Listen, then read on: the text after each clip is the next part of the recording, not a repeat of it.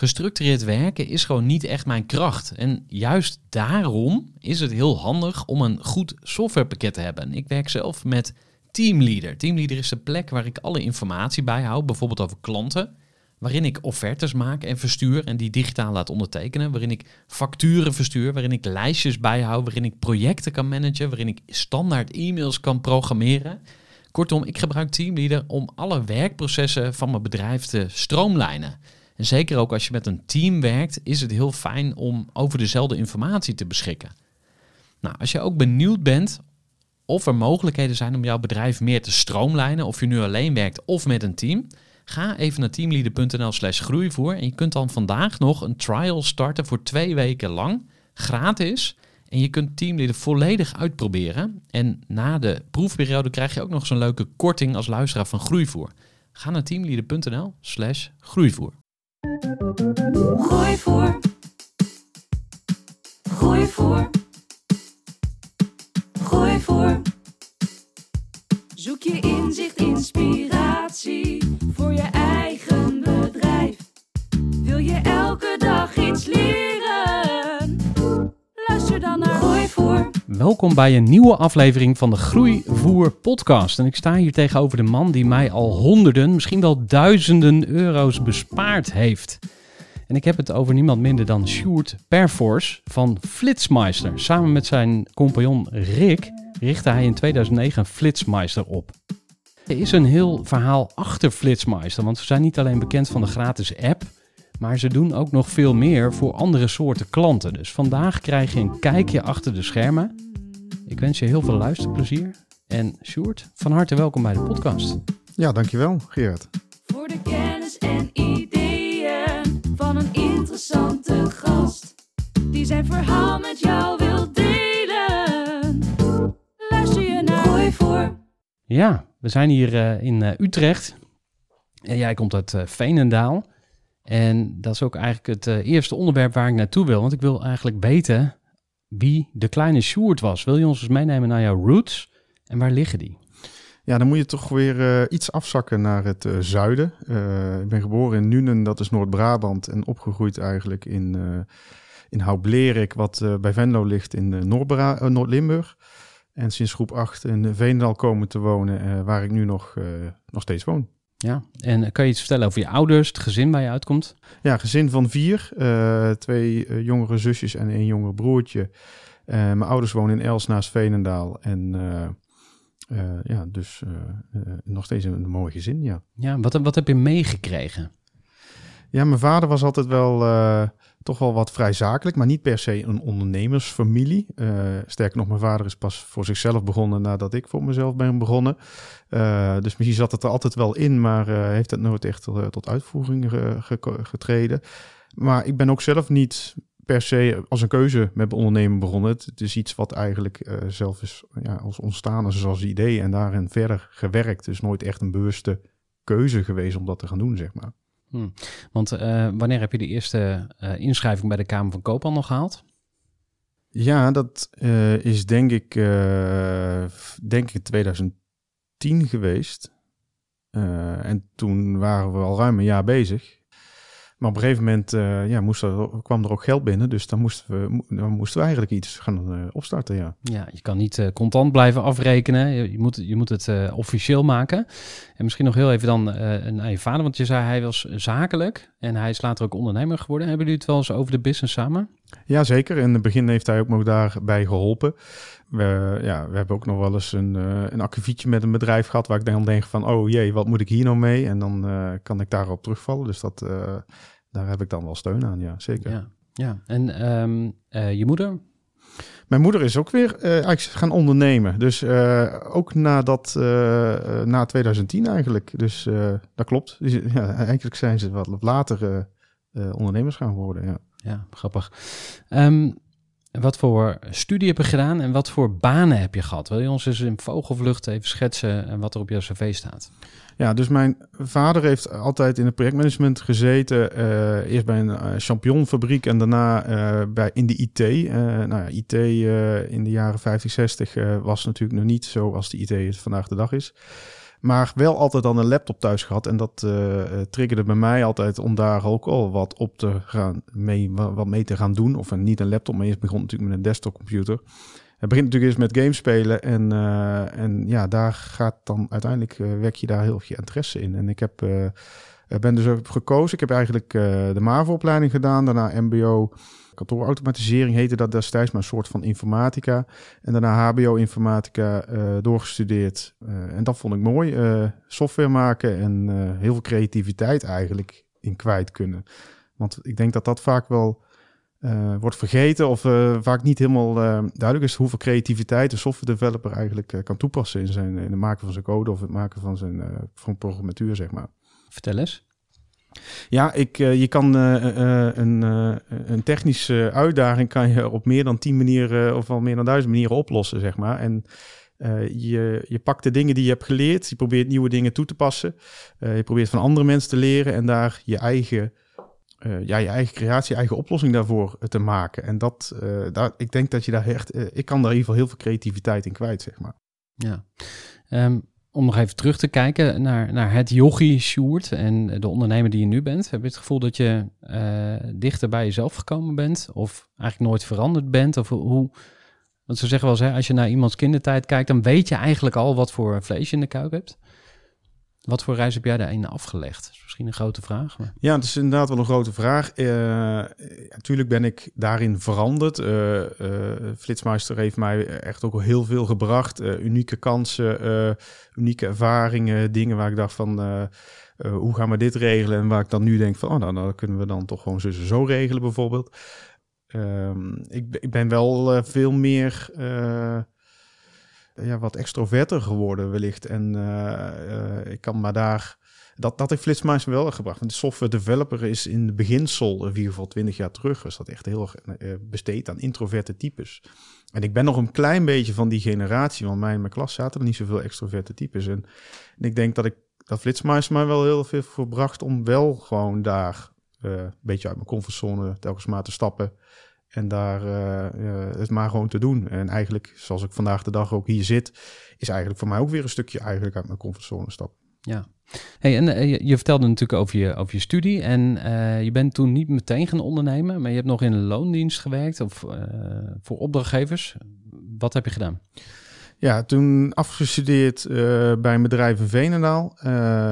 daar heb ik twee jaar, denk ik, gewerkt. Van 2007 tot 2009. Uh, best wel toffe opdracht gedaan. Ik heb aan het toeslagensysteem uh, gewerkt van de Belastingdienst. Als gedetacheerde software developer, zeg maar. Dus waar je huurtoeslag en zorgtoeslag kan aanvragen. dus best wel wat interessante, grote projecten gezien. En in de avonduren ja, kwam het reizen zeg maar, van A naar B. En, en de, de iPhone 3 die daaruit kwam met een mogelijkheid om ook zelf apps te maken. ja, is eigenlijk ook een beetje in die avonduren tijdens die eh, de, opdracht is dat eigenlijk een beetje ontstaan. En het werken bij die opdrachtgever of bij, die, bij de bedrijf. Ja, dus je werd eigenlijk gedetacheerd naar verschillende opdrachtgevers. En je zei die iPhone 3, dat was een soort kantelpunt. Want toen ging, gooide Apple de marketplace open of zo. Even voor de, voor de mensen die dat niet weten, wat is daar gebeurd? Ja, dus de iPhone 3 kwam uit. Er was al een 1 en een 2. En volgens mij misschien was er nog wel een tussenmodel ook nog. Maar er waren dus al een aantal iPhones uit waar mensen larisch over waren. Eh, Apple zoals Apple kennende en, en je misschien ook wel de presentaties. Maar als je nu nog die presentatie van toen terugkijkt, dat, is echt revolutionair wat ze daar eigenlijk neerzetten. Super tof. maar in ieder geval, dat was de eerste telefoon waarbij je apps, de derde apps kon, on, kon installeren. En dus heel makkelijk eigenlijk via App Store ja, meer dingen op je telefoon kon doen. Je moet, moet denken dat toen dat tijd was ook die Nokia met de Snake. dat, ja, dat was het. Dan had je nieuwe Snake en verder kon je ook niks anders doen. En ik had destijds ook geen iPhone, dus uh, ik had een toestel wat nog net een kleurenscherm had en iMode. Ik weet niet of je dat nog kent. Nee. Dat is eerst, uh, een van de eerste dingen rondom web uh, wat je kon benaderen. Ja, een internetbrowser zat op die iPhone al, dus die was best wel een apparaat. Hm. En toen dacht jij, ik ga zelf een app bouwen. Hoe, hoe ging dat in zijn werk? Ja, dus uh, die iMode toestel, dat had ik. Uh, ik bouwde daar een uh, kleine website, iMode website van. Uh, die haalde de flitsers af van verschillende bronnen. die filterde ik en groepeerde ik aan de hand van de wegen waarop, waarop ik aan het rijden was, s ochtends en s smiddags. van Veenendaal naar Apeldoorn. En dat deelde ik een beetje met de collega's binnen het bedrijf. En uh, mijn compagnon uh, Rick, die uh, had toen de iPhone 3 gekocht. En die zei toen tegen mij, ja, je kan nou apps ontwikkelen. En ik denk dat daar wel, wel leuk is als we daar gewoon iets met flitsers gaan doen. Ik denk dat dat wel, wel wat kan zijn voor onze collega's. Dus eigenlijk nog niet helemaal zo groot nadenken van, oh, dat gaat heel Nederland helpen. Maar meer van, ja, we gaan er onze collega's mee helpen. En, en, misschien gaan de andere mensen het ook wel heel erg leuk vinden. En dat vond ik wel een toffe uitdaging. Dus we zijn gewoon eigenlijk mee aan de slag gegaan. Uh, bij hem thuis, avond, een zondag. Uh, en dat zijn we door om blijven zetten. We hebben heel veel dingen gebouwd en weggegooid en weer gebouwd. en een jaar tijd heeft dat ongeveer gekost toen in 2010 in februari de eerste versie van Flitsmeister live kwam. Ja, en heb je enig idee of er in diezelfde periode dezelfde mensen met hetzelfde idee bezig waren? Ja, zeker. Dus in dat jaar tijd uh, werden we ook getriggerd door uh, andere apps. Uh, het was nog echt wel de periode dat elke nieuwe app gereviewd werd. dat kan je vandaag de dag niet meer voorstellen met zoveel apps in de App Store. Maar... Hoeveel, hoeveel zijn er dan ongeveer? Miljoenen of ja, ik, ik, ik durf het eigenlijk maar... niet te zeggen, maar ja, je moet echt iets doen om een beetje standing out, out of the crowd te zijn met je app. Want ze gaan niet automatisch gedownload worden, zeg maar. Um, maar destijds uh, was iedere app uh, ja, werd gereviewd door, uh, door review websites. En, maar er waren inderdaad ook andere apps die zijn begonnen. Je had voor mij de app Flitspalen heette dat destijds. ja, en toen keken wij natuurlijk ook naar en ik van, oh ja, we moeten wel, wel, haast maken. En dus dat gaf ook al wat druk en wat goede druk, denk ik wellicht ook. maar we hebben daar wel onze eigen visie en eigen gedachten echt en creativiteit echt in die app gezet. We hebben daar ook een app neergezet die echt totaal anders was dan andere apps, vonden wij althans. Uh, nog toch wel met uh, verschillende gekke geluidjes en zo. Uh, het was best wel, zoals ik het zelf zeg, een iets andere app dan het bijvoorbeeld nu is, of dan een gemiddelde app dat destijds was. Ja. Ja, waar, waar kwam dat dan vandaan? Dat, die, die gekke geluidjes? Was dat ook jouw idee of juist Rick? Of hoe, hoe ging nee, dat, is, dat is juist dan weer Rick zijn toevoeging.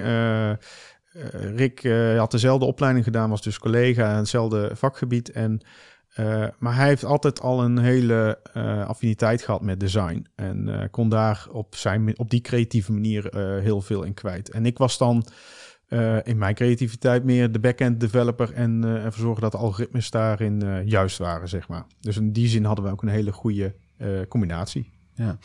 Um, ja, we zijn eigenlijk al hè, bij het verhaal aanbeland. En de, de heydays, de, de begindagen van, van Flitsmeister om daar nog even bij te blijven. Eh, herinner jij iets van die tijd van, van adviseurs om jullie heen? Of waren er mensen die zeiden: Wow, je hebt er nu echt een goudader te pakken? Of juist het tegenovergestelde van: Joh, gast, ga, focus je nou gewoon op de Belastingdienst of laat het los? Wat, wat, wat waren de geluiden om jullie heen als je daar überhaupt mee bezig was? Ja, iedereen vond het natuurlijk tof dat, dat, dat we een app hadden ontwikkeld. Maar veel mensen wisten ook nog niet zo goed uh, hoe of wat. Uh, dat, dat kwam eigenlijk een jaar later of twee jaar later. Toen we ook een beetje in gebruikers en uh, gingen groeien. En daar ja, mensen toch wel naar ons toestapten van... ja, ik kan jullie nog groter maken. Of ik denk dat jullie hier echt een bedrijf van moeten beginnen. En dat triggerde dus ons ook om voor onszelf te beginnen. Want we hebben dat tot 2012 eigenlijk daarnaast altijd gedaan. Hm. En uh, uh, we hadden het ook betaald, dus het kostte 2,39 euro uit mijn hoofd om de download te kunnen doen.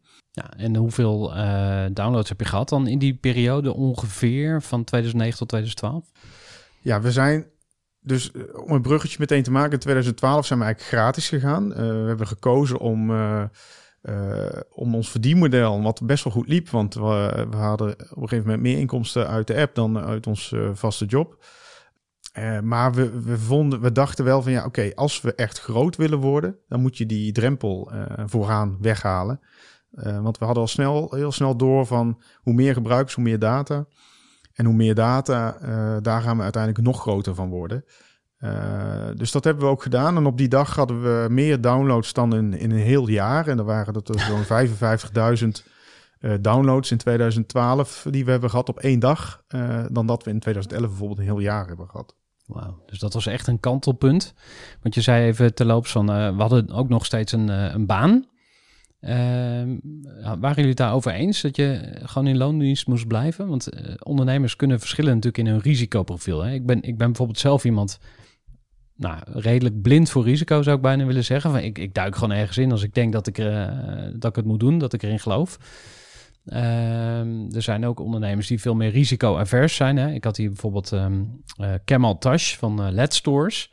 En die had geloof ik uh, zijn fulltime baan aangehouden totdat hij zes medewerkers had. Dus hij verkocht echt al duizenden lampen per maand. En ik dacht echt van, ten eerste, hoe heb je dat gefixt? Hoe krijg je dat allemaal in één werkweek? En twee, ook van, maar waarom ga je niet veel eerder gewoon fulltime ondernemen? Hoe, hoe ging dat stukje bij jullie?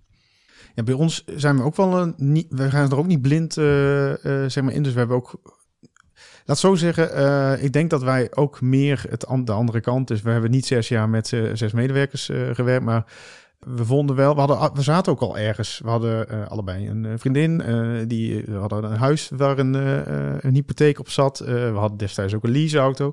Dus ja, we, we hebben daar op een gegeven moment ook wel gekeken van... oké, hoe kunnen we toch nog een beetje hetzelfde behouden en toch voor onszelf beginnen. Maar uiteindelijk wel die drang heel erg gehad. We moeten echt voor onszelf beginnen. Maar meer om het drang te hebben om dat product nog beter te maken. Dan zozeer dat we dat voor het zelf beginnen überhaupt een ding is, zeg maar, of zo. Dus ja. meer dat we echt de tijd meer wilden besteden in die app development en in die in, in Flitsmeister. Dat was voor ons veel belangrijker. En uh, dan, dan eigenlijk misschien dan wel uh, uh, überhaupt voor jezelf beginnen, zeg maar. Ja, want ik herinner me nog, sorry dat ik het in mijn eigen verhaal erbij pak, maar ik word iedere keer getriggerd door wat jij zegt. Uh, ooit ging ik onderaan mijn e-mails ging ik opschrijven dat ik ondernemer was. Dat vond ik heel stoer. maar jij zegt eigenlijk van, voor ons was dat helemaal niet zo'n ding. Dat ondernemen, dat was geen doel. We wilden gewoon met die app bezig. Ja. En toch heb je een, um, een, een bedrijf gebouwd. Ik twijfel even welke afslagen ik moet nemen. Dat is altijd een uitdaging bij, uh, bij interessante ondernemersverhalen. Maar uh, om misschien nog even bij het uh, verdienmodel te blijven. Daar begon je zelf net ook over. Je zei van, we hadden eerst een, een prijs per download. Toen werd het gratis. En ik hoorde in een andere podcast ook dat jullie eigenlijk best wel veel verdienmodellen hebben. Wat voor keuzes hebben jullie daarin gemaakt? Ja, een belangrijke keuze eigenlijk die we daarin hebben gemaakt... is dat we hebben gezegd, we moeten gewoon zoveel mogelijk gebruikers hebben. Dat staat bovenop. En uh, die inkomsten die komen dan wel. Uh, ja, is dat zo? Kun je daar gewoon gif op innemen? Of? Nee, ja, we hadden dus natuurlijk wel een backup plan. Uh, we hadden namelijk een ander bedrijfje. In die periode dat we gratis zijn gegaan, waren we ook al voor onszelf begonnen. En we hadden twee bedrijven opgestart, Flitsmeister en Frozen Tulip. Want dat vonden we mooi, de, de bevroren tulp, iets met Nederlands. en dat was een softwarebedrijf die voor klanten gewoon apps maakte. Dus dan zaten we uh, een beetje in diezelfde wereld. Uh, want we kwamen nog een beetje van de .NET-wereld af. En uh, dit was de nieuwe hippe wereld, zeg maar. en we dachten, oké, okay, we gaan het verdienmodel bij Flitsmeister afhalen. En als we geld tekort komen, dan gaan we gewoon weer een opdracht doen voor een klant. En dan proberen we het op die manier een beetje rond te breien, zeg maar. Ja, dus dat gaf ook rust. Dat gaf rust, inderdaad, ja. Ja, en van, een, van een, een, een fee per download naar een gratis model, toen had je, was je data aan het verzamelen. Maar ik hoorde iets over zes of acht verschillende verdienmodellen. Uh, kun je ons eens meenemen in uh, ja, wat verkoop je dan precies aan wie en hoe reken je af? Dat is misschien een heel verhaal, maar. Ja, uh, het makkelijkste bij apps is advertisement. dus waar, daar dachten wij in beginsel ook aan. nou, we gaan sowieso iets met advertisement dan maar toevoegen. we hebben daar wel toch wel eventjes op een onze eigen manier misschien dan weer uh, toegevoegd. We zeiden van ja, het mooiste natuurlijk is als je gebruikers kan benaderen die ergens langs rijden waar het dan ook relevant is. Dus we hadden location-based advertisements, zo noemden wij dat. Hadden we eigenlijk een beetje bedacht en uh, andere partijen kwamen daar later ook mee. Dus het is wel echt iets waar we zelf over hadden nagedacht. Uh, we hadden ook wel banners in de app, maar dat hebben we altijd een beetje aan de zijkant geschoven. Daar stond we een beetje verstopt in onze app. Daar geloofden wij ook niet in. Je moet echt relevantie bieden op een bepaalde manier. En daar geloofden wij heel erg in. En eigenlijk ook altijd vanuit de gedachte van de gebruiker. ja, je hebt niks aan een, een banner met een pampermerk in een app voor onderweg. We hebben destijds ook met een bedrijf samengewerkt. Eh, dat heette Manden Media, dus dat eh, was eh, dan voor Manden. Maar die hadden dan ook een speciale tak met sportmedia. En dat zat meer in, de, in die branche van auto's en zo. En we zeiden ook tegen hun, we willen geen Pampers in onze app, maar we mag wel een mooie automerk of zo. Dan mogen jullie wel allemaal in onze app zetten. En op die manier eigenlijk meer de relevantie van de gebruiker toch wel blijven, te blijven zoeken, zodat die advertisement niet zo, niet zo erg was, zeg maar. Nou goed, heb je advertisement? Eigenlijk kwam een bedrijf naar ons toe die zei van, ja, jullie hebben wel veel gebruikers. Eh, je kunnen daar ook eh, anonieme GPS-data eh, van verzamelen. Daar zijn wij wel geïnteresseerd in. En er was een bedrijf, dat bestaat overigens nog steeds, maar een groot bedrijf die kaarten heeft. Die maakt kaarten, die maakt zelf verkeersinformatie. En die heeft eigenlijk ons in de meeting op denken zetten. Oh ja, dat is ook wel een mooi verdienmodel. En daarmee belasten we de gebruiker eigenlijk niet. Eh, we zorgen dat we daar op een privacyvriendelijke manier mee omgaan. Ehm, en dat is een verdienmodel, eh, ja, da- da- daar zagen we ineens heel veel goud in. Want ja, dit, is, eh, dit, dit, soort data, daar, eh, da- daar, gaan, daar gaan veel meer bedrijven voor betalen. Eh, nou, dus we kwamen zo met een tweede verdienmodel eh, daarbij. Eh, nou, op een gegeven moment eh, zijn we met radiozenders eh, eh, in gesprek gegaan. Eh, nou goed, die grote radiozenders die gaan helaas niks betalen voor jouw eh, flits- en filedata. Maar de kleine radiozenders of de websites of andere apps, die, eh, ja, die willen daar ook voor betalen. Of een nieuwswebsite website of zo, die willen daar wel voor betalen, zeg maar. Dus dat, dat was ook weer een verdienmodel dat erbij kwam.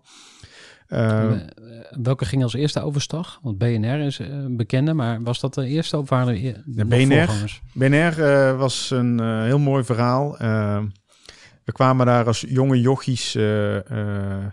Eh, sinds 2012 is ook eh, Jorn eh, bij het bedrijf gekomen en die had een meer commerciëlere achtergrond. Dus dat, heeft ons ook wel geholpen heel erg in het team om eh Flitsmeister te laten doen groeien.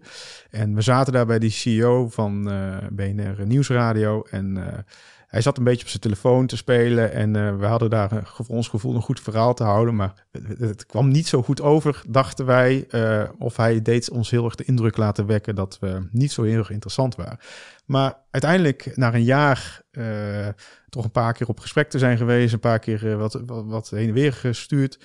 Ja, zijn ze toch overstag gegaan en zijn ze met Flitsmeister als eerste eh, radiozender eh, met onze data live gegaan. Dat betekent eigenlijk dat ze de flitslijn die ze destijds hadden eruit hebben gehaald, wat kostenbesparing hebben kunnen doen. Maar in moesten ze natuurlijk wel onze naam op de radio noemen. Elk Eh, kwartier, heb ik begrepen. Elk half uur volgens mij. Elk half was het. uur, Oké, Ja. ja. En ja, dus, dus wij, wij dachten meteen van oké, dit moeten we sowieso regelen links of rechtsom. Maar er moet altijd eh, iets tegenover staan dat, dat wij nog bekender gaan worden. Want daar gaat uiteindelijk weer naar die gebruikersgroei zitten. En daar hadden we heel erg de focus op. Ehm, ja, dus eh, we zijn daar als eerste radiozender mee live gegaan. En BNR is natuurlijk ja, een wat meer zakelijker radiostation. En ons bedrijf werd ineens een stukje serieuzer eigenlijk. Want we werden ineens eh, ja, eh, door ondernemers eh, ook eh, van... Oh, dat is Flitsmeister. Oh, dat, is, dat is een heel ander... Sterk merk natuurlijk BNR. Ja, zeker sterk merk. Maar ook een hele bepaalde doel, goede doelgroep... die wij eigenlijk nog helemaal niet hadden. Want we Hmm. waren een beetje de rebelse clubje...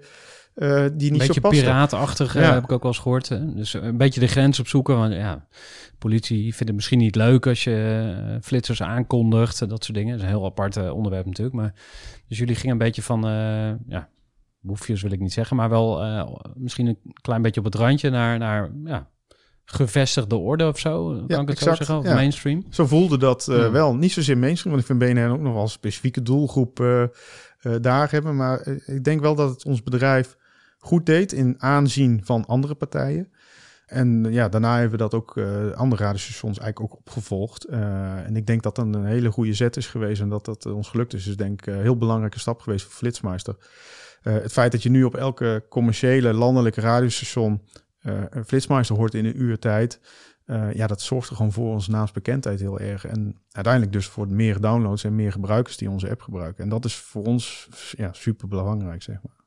Even een korte onderbreking met een belangrijke vraag aan jou. Want wat heb jij geregeld voor het geval je van de ene op de andere dag zou komen uit te vallen? Wat gebeurt er dan met je bedrijf, maar vooral wat gebeurt er met jou persoonlijk en ook in financieel opzicht? Samen met ASR voerde ik drie openhartige gesprekken over tegenslag en veerkracht. En dat deed ik met Saskia, Vincent en Pieter. Ondernemers met een bloeiend bedrijf die van de ene op de andere dag niet meer konden werken. En die verhalen hoor je in aflevering 256, 257 en 258 van deze podcast. Als ondernemer wil je natuurlijk niet uitvallen. En daarom is het belangrijk dat je veerkrachtig bent, want voorkomen is beter dan genezen. En als het dan toch misgaat, is het fijn dat je iets geregeld hebt, zodat je weer snel door kunt met ondernemen. Wil je weten hoe veerkrachtig jij nu bent? Vul dan in twee minuten de veerkrachttest van ASR in. Ga naar asr.nl slash veerkrachttest ondernemers. Ik vroeg je naar de, de verdienmodellen. Toen vroeg ik door over eh, de, de deals met radiostations. Maar zijn er nog meer revenue streams bij jullie? Ja, er zijn nog veel meer eigenlijk. Uh, en dat komt natuurlijk omdat we in tien jaar tijd... Ja, we bouwen enerzijds de app uit. En anderzijds uh, ja, proberen ook met ons bedrijf te groeien. Uh, dus een mankracht. Hoe meer mensen, de ontwikkelaars erbij zitten, hoe harder we ook vooruit kunnen. Maar dat moet tegenover staan dat we natuurlijk ook wat inkomsten gaan genereren. We hebben vandaag de dag hebben we ook wat in-app purchases zitten, abonnementen zitten. Dus je kan bij ons al sinds een lange tijd een pro-abonnement afsluiten. We hebben sinds kort vernieuwd naar een maandelijks subscription. Hoeveel, hoeveel, mensen doen dat? 1, 1% 2%? Of is het minder? Ja, zo'n 50.000 mensen hebben er bij ons zo'n abonnement afgesloten. betalen een bedrag per maand en kunnen, krijgen dan een app met extra functies en geen advertisement. Ja. Nou goed, we hebben parkeren in onze app toegevoegd. Dus uh, je kan in elke stad in Nederland parkeren met Flitsmeister. Uh, On-street is dat. Uh, we gaan daar ook nog off-street aan toevoegen. Dus eigenlijk, ja, je gebruikt Flitsmeister voor je rit om te bepalen hoe je daar moet komen. Tijdens je rit om daar veilig naartoe te komen op een efficiënte manier. En na je rit kan je meteen ook nog even parkeren in de app. Dus was voor ons een, eigenlijk een no-brainer om dat toe te voegen. Dus Yellow Brick kan ik dan Jellebrick uh, en alle andere partijen kan je eruit gooien. Dan ben je bij ons ook nog iets goedkoper uit. Box. dat, vertel, ja. Um, dus dat is ook een verdienmodel, want uiteindelijk hebben we daar transactiekosten. Uh, overigens, dat hele parkeerverhaal is, is niet altijd heel erg uh, winstgevend geweest. Dus we beginnen daar nu een beetje in te komen. maar dat is een heel apart verhaal. Ehm, dan hebben we nog de soundpacks. Nou, komen we ook misschien uh, straks nog wel even bij het verhaal uh, met de artiest waar we samen hebben gewerkt. Vertel maar, je broer. Ik moest even googlen, maar dat, dat is dus blijkbaar een rapper. Moest jij googlen? Ja, maar ik ben van 1983. Ik ben ook van 1983. Oké, en jij kent hem wel? Ik ken hem wel, ja. Oké, nou dan ben je beter bij de les dan ik. Uh, wie is je, je broer? Ja, je broer is een, een artiest. hij is een wat controversiële uh, artiest, als ik het zo uh, mag zeggen. En dat heeft vooral te maken met de nummers die hij maakt en de muziekgenre die hij uh, maakt. Hij heeft een doelgroep die zeer moeilijk te bereiken is, want dat is namelijk onze jeugd. of met jeugd bedoel ik dan onder de 18, maar ook boven de 18. Um, en ja, die, ja, dat, is, dat, is, dat is wel een groot artiest ook wel. Ja. Um, de verdienmodellen hebben we ze allemaal gehad nu? Of, want jullie hebben ook nog een apparaatje. Ik zag dat jullie, wat was het, drie weken geleden zelfs een, uh, een versie 2 hebben. Het is een soort ding wat je op je dashboard kan plakken of schroeven. En dan in plaats van dat je op je telefoon uh, moet gluren, zie je eigenlijk daar de, de, de meldingen. Ja, klopt. Dus we hebben twee hardware producten die we verkopen. Um, de Flitsmeister 1 en de Flitsmeister 2. Uh, we hebben dat een beetje afgekeken van onze concurrenten in het buitenland. Uh, en die concurrenten hebben het ook in Nederland proberen te lanceren, maar dat is er niet heel gelukt. Um, en we hebben daar eigenlijk een, uh, een onze collega in uh, Denemarken hebben daar eigenlijk een white label voor gemaakt in Nederland. En dat is echt gigantisch ontploft eigenlijk. Dus we hebben daar heel veel van verkocht. En Hoeveel? Ja. 10.000, 20.000, 50? Ja, dan zit je boven de 50.000 te denken. Um, en wie, wie kopen dat? Is dat die harde kern flitsmeister van het eerste uur? Die mensen die elke dag een uur in de auto zitten, eh, enkele reis? Ja, dat, eh, de, de, als je kijkt naar onze gebruikers, is, dat een, is dat een harde kern gebruikers inderdaad. Maar eigenlijk wat we de afgelopen jaren, als je het dan over marketing hebt, hebben we eigenlijk bijna nooit echt geld besteed aan marketing. Het is altijd een beetje uh, geweest op barterdeals. Dus bijvoorbeeld met die radiostations uh, of, of in nieuws komen met uh, interessante data. Maar ook vooral gewoon mond-to-mond reclame. En ik denk dat we daar nu gewoon ook nog steeds heel veel sales van die hardware uithalen. Door gewoon iemand heeft dat apparaatje, stapt bij iemand in de auto en die vraagt: hey, wat is dat? Ja, dat is Flitsmeister, dat vind ik geweldig. En gaat ook zo'n ding kopen. En um, Ik denk dat daar uh, de vele verkopen vandaan komen. Maar inderdaad, is een kastje. Je stapt de auto in, de app start automatisch in je broekzak op en connect met het device. En uh, je hoeft nooit zorgen te maken dat het geluid uitstaat of dat je iets niet hoort of, of ziet. Want het apparaatje geeft zelf dan het geluid en het lichtsignaal, zeg maar. Ja. Um, in de voorbereiding voor dit gesprek dacht ik ook van, ja, wat, wat maakt nou dat jullie app zo succesvol is? En uh, iemand vertelde mij eens ooit wat goede marketing is, of eigenlijk sales, of hoe je het ook wil eh, labelen. Um, en die zei, als iemand anders jou het product gaat verkopen. En dat is met, met Apple iPhone gebeurd, hè, dat mensen tegen zeiden van, oh, moet je nou eens kijken, joh, dit is zo fantastisch, dit moet jij ook kopen. En Flitsmeister is voor mij een van de weinige apps uh, die ik A, gewoon structureel op mijn uh, homescreen heb staan. En ook heel erg aanraad bij anderen. Dat is gewoon zo'n no-brainer. Dus zeker als je regelmatig in de auto zit, dan heb je dat ding gewoon nodig.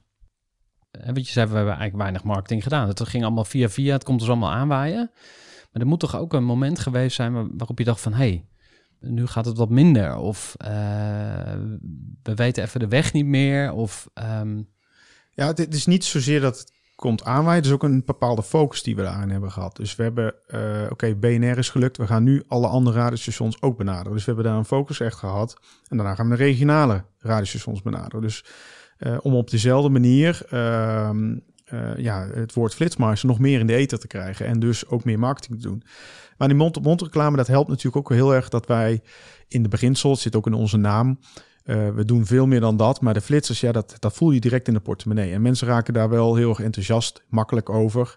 En dat zorgt heel makkelijk dat we een heel makkelijk verkoopverhaal uh, hebben uh, voor mond-op-mond te verkopen. Ja, ja want ik was bij Johan van Mil van Peak. Ik weet niet of je het kent, zijn investeringsfonds. En ehm, hij zei van, als je naar je business kijkt, dan moet je je altijd afvragen... heb ik nou een painkiller of heb ik een vitamin? En die vond ik wel heel scherp. En hij heeft hem niet zelf verzonnen, maar hij gaf hem wel aan me door. En, en ik dacht, oh, dankjewel. Want ik heb de Groeiclub voor Ondernemers. En heel vaak heb, heb ik vooral op de vitamin gericht. Hè? Want nou, wortels, dat zit ook in het logo. Dus even een, een, een eh, knipoogje terzijde. Maar um, het is leuk als je aan je persoonlijke groei werkt. Want je wordt er een beter ondernemer van. Ja, dat is leuk. Maar dat is vooral een vitamin. Maar hoe kan ik nou echt een pijn van een ondernemer oplossen? Dus ik ga nu elke uh, maand uh, van 1 tot 3 smiddags, uh, de eerste donderdag van de maand, ga ik intervisiesessies aanbieden. En dan kun je met je probleem terecht. Dus als jij een knelpunt hebt of een vraagstuk of je loopt vast, begint wel op een reclameblok te lijken. Dit was helemaal niet de intentie. Maar, Geef even de tijd. ja, ik zag, ik zag het. Um, maar daar kun je terecht. Dus je hebt gewoon pijn, die wil je opgelost hebben. En nu weer terug naar Flitsmeister. Zijn er nog uh, nieuwe pijnen uh, waarvan je denkt, die kunnen wij oplossen? Want het klinkt ook alsof je heel makkelijk de overstap kan maken naar een ander uh, soort business. Hè? Net als bij Gorilla's en thuisbezorgd. En nou, er zijn heel veel partijen in die home delivery space, zeg maar, waarvan je op een gegeven moment denkt van, huh, maar wat, wat zijn we nou eigenlijk? En in jullie geval ook, zijn we nou dataleverancier? Zijn we een soort Google Maps? Zijn we nou een parkeerapp? Zijn we uh, we hebben een device, moest ik ook meteen aan TomTom -tom denken. Dus um, uh, je had het net zelf ook over focus. Wat zijn jullie nou eigenlijk? En, en wat is de focus? Wat is ononderhandelbaar? Wat je eigenlijk altijd vast zult houden? Waar we aan vasthouden is eigenlijk ons missie- en visiestatement. Uh, dus wij willen in uh, heel Europa het aantal ongelukken en vertragingen verminderen. Dat is onze visie. En onze missie is dat wij uh, de beste vriend van de automobilist willen zijn. En dat doen we door efficiënter, makkelijker en op een leukere manier je reis van A naar B te kunnen doen. En daarin kunnen we heel veel dingen pakken. en daar hoort parkeren, mijn inziens, ook bij.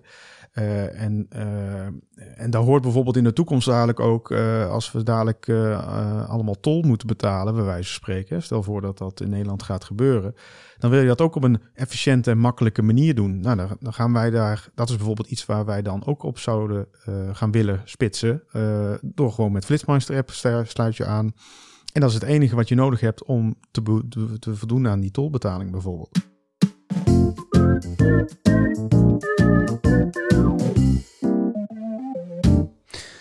Wil met je naar het eh, hoofdstuk samenwerken met compagnons gaan. Um, en dan om, even te focussen zeg maar, op jullie uh, founders team, want je bent met Rick begonnen. Je schreef in je, in je voorbereidings, of wat je aangeleverd hebt in de voorbereiding ook over um, hoe ziet het ideale founders team eruit. En later zei je van, ja, maar eigenlijk was het toch ook wel fijn dat Jorn erbij kwam, want dat is echt zo'n commerciële rakker, die, die misten we eigenlijk nog. Dus wa- wat is nou de ideale setup volgens jou? Ja, dus met Rick. Rick is eh, creatief, kan vormgeven, kan allerlei hele toffe websites, apps en allemaal dingen bedenken. eh, en, en zorgen dat er ook super gaaf uitziet. Ehm, ik had dan de technische skills om dan het ook nog werkend te krijgen. Ehm, en in de eerste twee, drie jaar ja, ging ik heel erg uit mijn comfortzone. Want dan moest ik ineens ook business gaan doen. Of moest ik ook ineens eh, iets eh, gaan, gaan doen, zeg maar. En, eh, en, en daar hadden we allebei niet echt veel van gegeten. Rick nog minder dan ik. Dus ik heb dat een beetje zo be- op moeten pakken eigenlijk.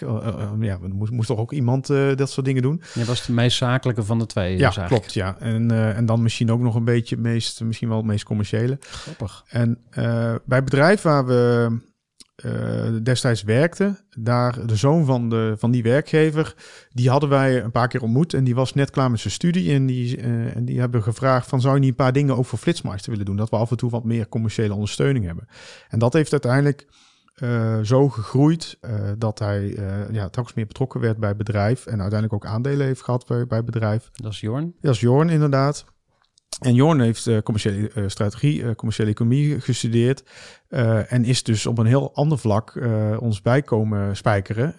en heeft daar ervoor gezorgd dat we ook op dat vlak konden accelereren en, en accelereren, zeg maar. En als jullie met elkaar een discussie hebben, waar gaat het dan over? Ja, misschien dan nog een stapje terug. Dus in 2015 waren we eigenlijk met z'n drieën als zijnde driekoppige directie... eh, waar we wat van Flitsmeister mee, eh, vonden. En ik merkte dat dat echt heel veel energie kostte. Eh, want elke beslissing moest dus twee man, andere mensen ook nog wat van vinden. En eh, dat ging echt bij ons alle drie zeer frustreren. Dus we hebben dat een eh, klein jaartje eh, nog wel gedaan. Hoe, zag dat eruit dan? Dat is natuurlijk voor de luisteraar leuk om te horen, maar wat... Ja, bijvoorbeeld, eh, ik, ik, ik spar met Rick en we gaan dit en dat doen.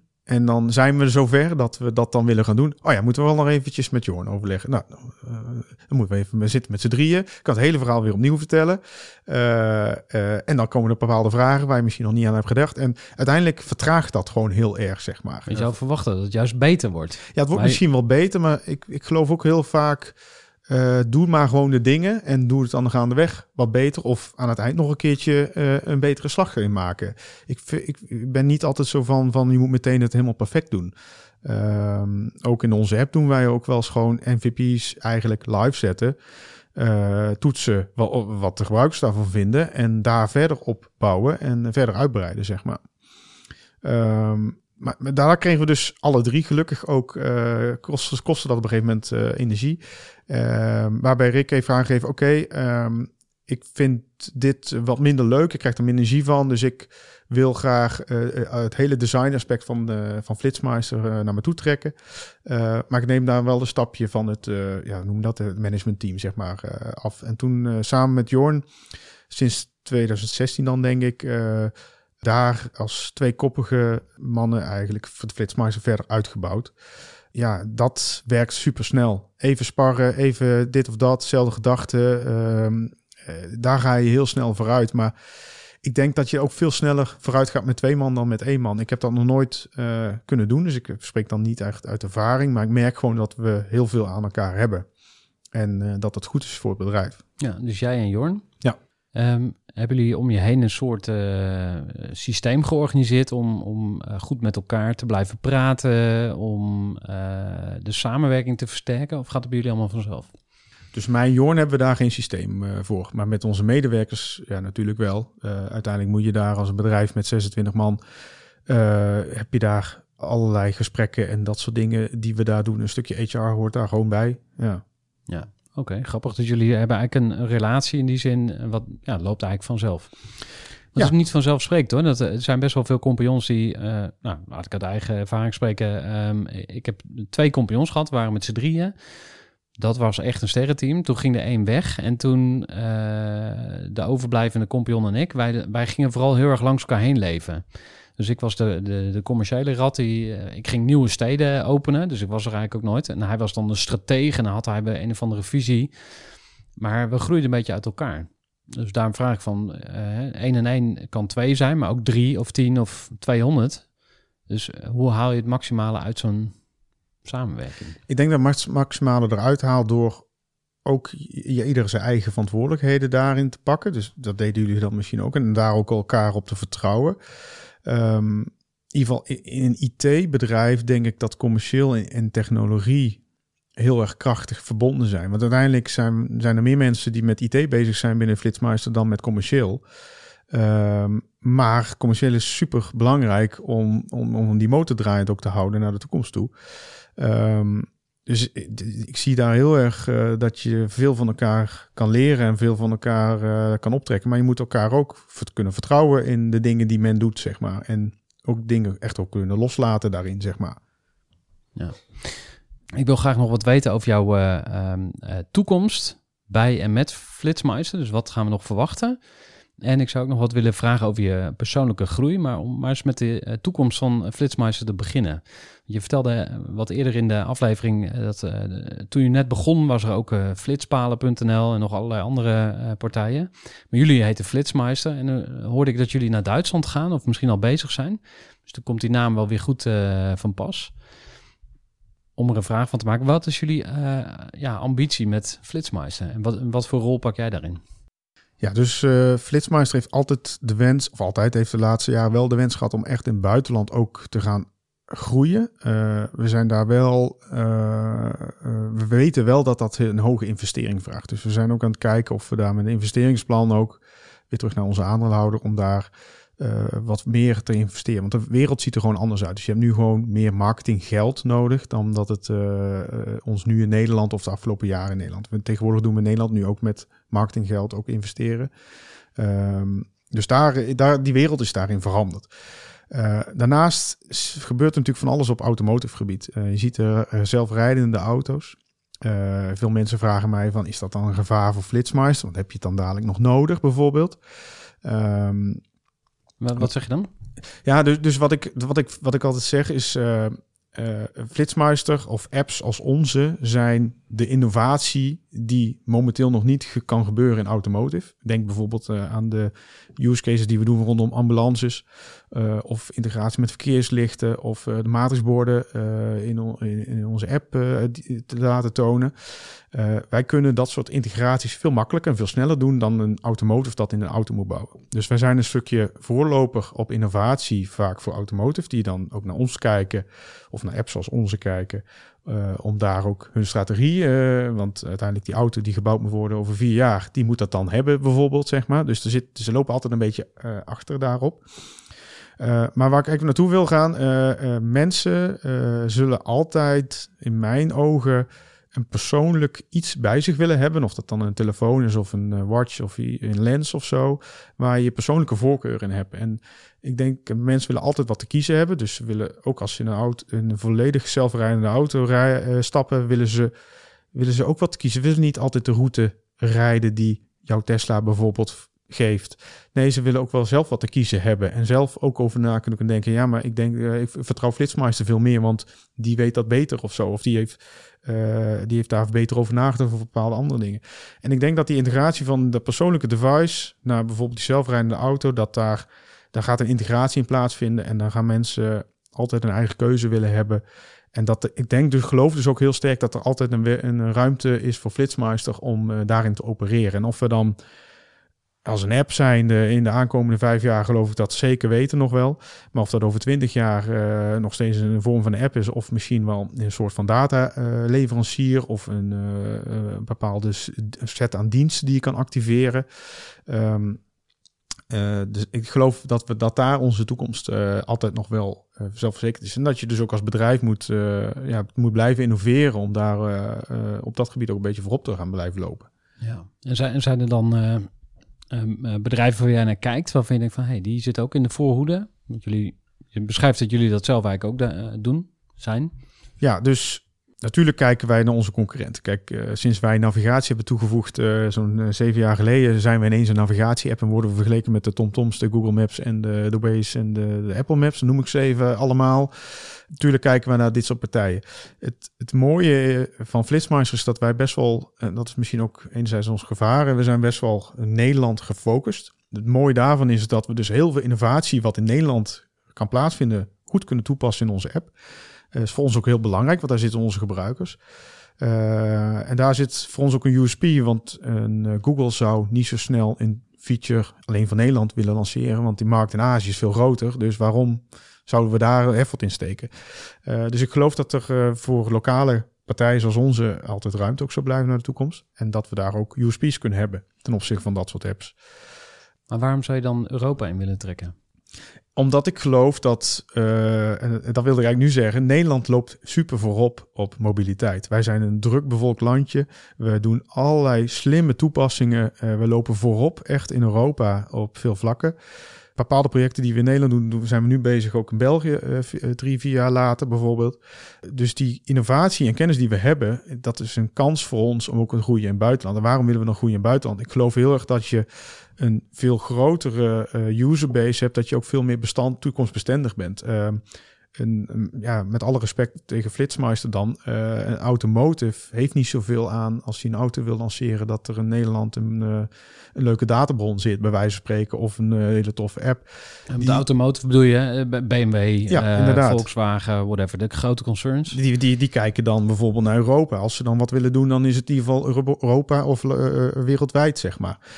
maar niet, niet zozeer Nederland. Dat is dan toch net wat minder interessant. Ik denk dat daar onze tred liggen, daar ook onze kansen liggen om daar wat te doen. En dat, dat zijn verschillende manieren om daar natuurlijk naar te groeien. En ik denk dat daar nog veel denkwerk in gaat zitten om, uh, om dat ook te behalen. En, uh, en uh, ja, daar liggen kansen, maar ook en, en, en bepaalde uitdagingen die we graag aangaan in ieder geval. Ja, en dan je eigen rol daarin? Ja, mijn eigen rol daarin. Uh, ik denk dat uh, de, de afgelopen twaalf jaar, wat is het, uh, 13 jaar Flitsmeister, natuurlijk wel, wel erg expert zijn geworden in een bepaald gebied. En, en, en we zien dus ook dat, wel leuk dat, we zien ook wel dat we daar dan ook wel naar gekeken wordt. En mijn, mijn rol is daar altijd op vanuit een technische achtergrond zal ik daar een rol in blijven spelen, want ik vind dat leuk techniek. En ik denk dat we daar met de met de focus op de gebruiker, dat, mijn rol, ja, dat zit daar ergens in. Dat zit in dezelfde rol eigenlijk als ik nu in heb. Dus ik zie niet dat mijn, mijn rol daarin verandert, zeg maar. Nee.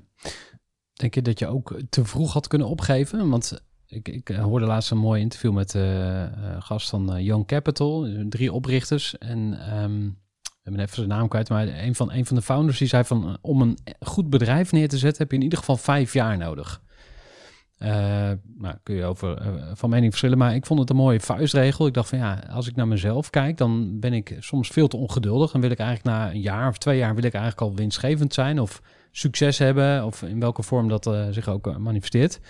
Maar vijf jaar, alleen je kunt misschien ook een soort van vermoeidheid krijgen. Dat je denkt van ja, ik wil dit leven niet meer, ik wil het risico niet meer, ik wil iets nieuws. Maar jij lijkt een soort uh, nog langere scope te hebben. Van nou, misschien kan je wel 30 jaar flitsmeister doen. Ja, ik weet zeker dat de ruimte is voor 30 jaar flitsmeister. En waarom? Omdat er zoveel verandert in onze wereld, denk ik.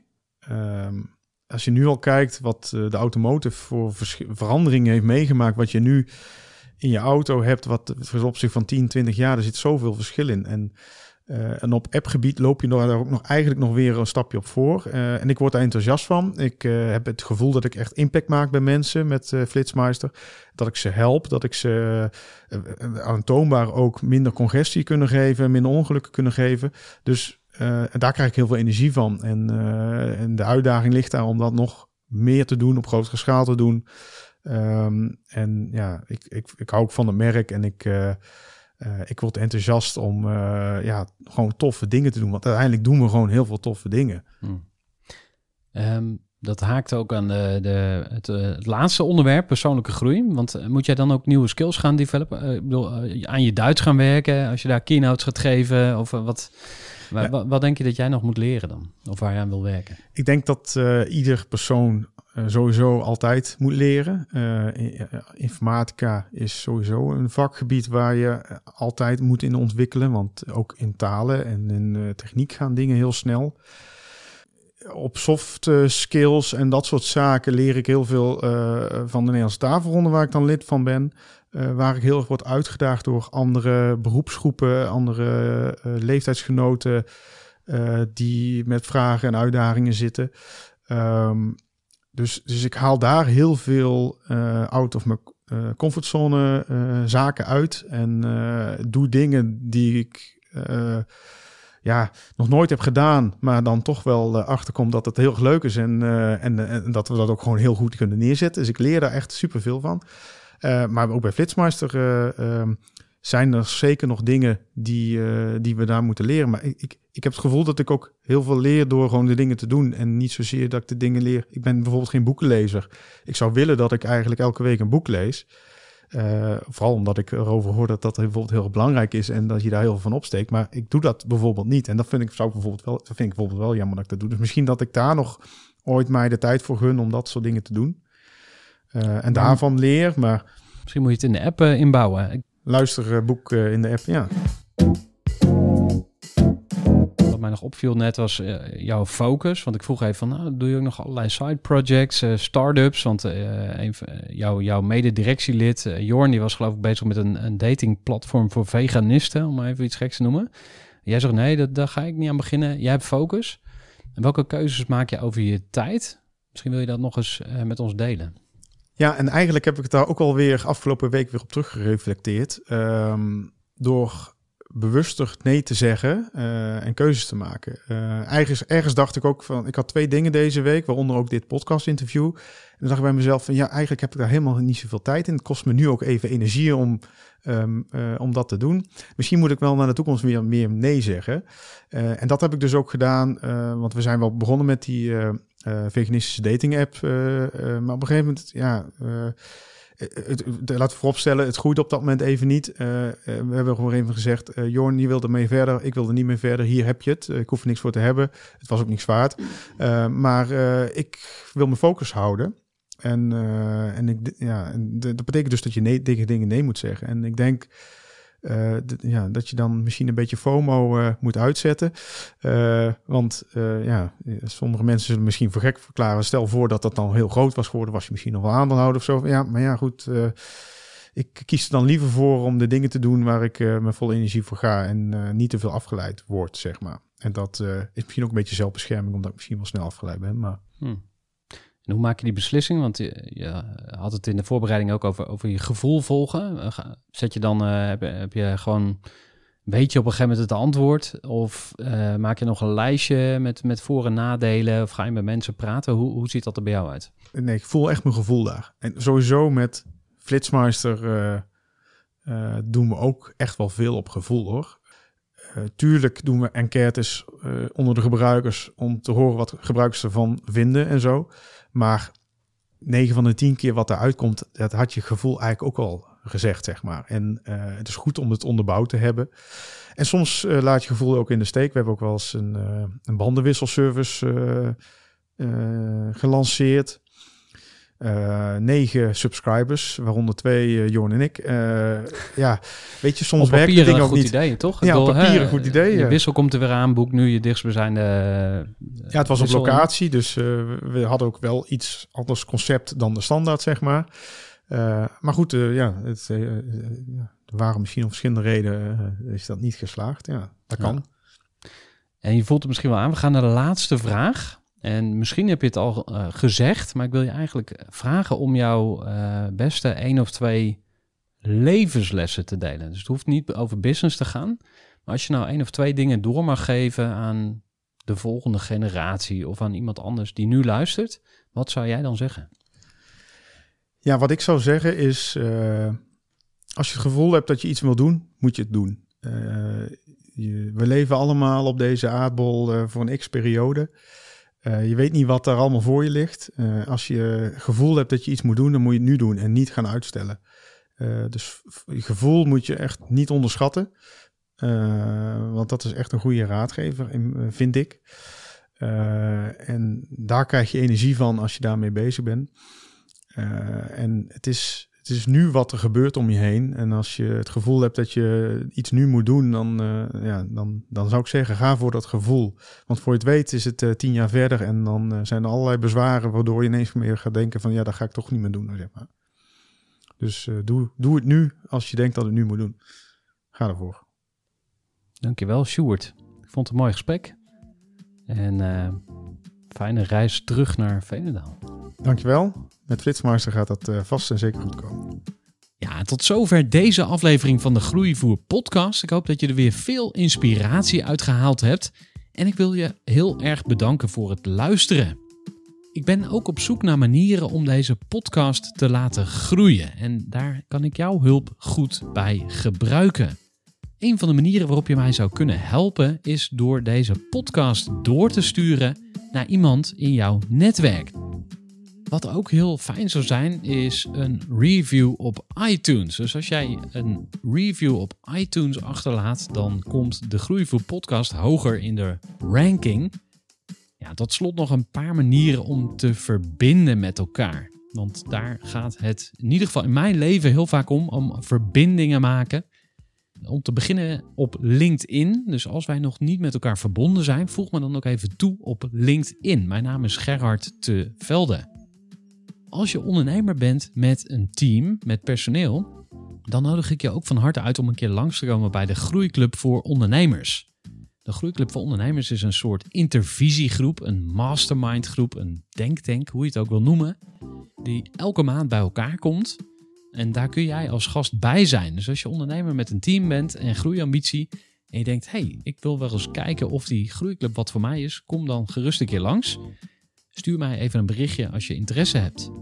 Ja, tot slot kun je sowieso altijd inschrijven voor de gratis online community groei.club. Surf even naar groei.club en je vindt daar allerlei handige tools waarmee je aan je eigen groei kan werken, maar ook aan het laten groeien van je bedrijf of je teamleden. Nou, dan zijn we nu echt aan het einde gekomen van deze aflevering. Graag tot een volgende aflevering. Doei doei. Gooi voor. Gestructureerd werken is gewoon niet echt mijn kracht. En juist daarom is het heel handig om een goed softwarepakket te hebben. Ik werk zelf met Teamleader. Teamleader is de plek waar ik alle informatie bijhoud, bijvoorbeeld over klanten. Waarin ik offertes maak en verstuur en die digitaal laat ondertekenen. Waarin ik facturen verstuur, waarin ik lijstjes bijhoud, waarin ik projecten kan managen, waarin ik standaard e-mails kan programmeren. Kortom, ik gebruik Teamleader om alle werkprocessen van mijn bedrijf te stroomlijnen. En zeker ook als je met een team werkt, is het heel fijn om over dezelfde informatie te beschikken. Nou, als je ook benieuwd bent of er mogelijkheden zijn om jouw bedrijf meer te stroomlijnen, of je nu alleen werkt of met een team, ga even naar teamleader.nl slash groeivoer en je kunt dan vandaag nog een trial starten voor twee weken lang, gratis. En je kunt Teamleader volledig uitproberen. En na de proefperiode krijg je ook nog zo'n leuke korting als luisteraar van Groeivoer. Ga naar teamleader.nl slash groeivoer.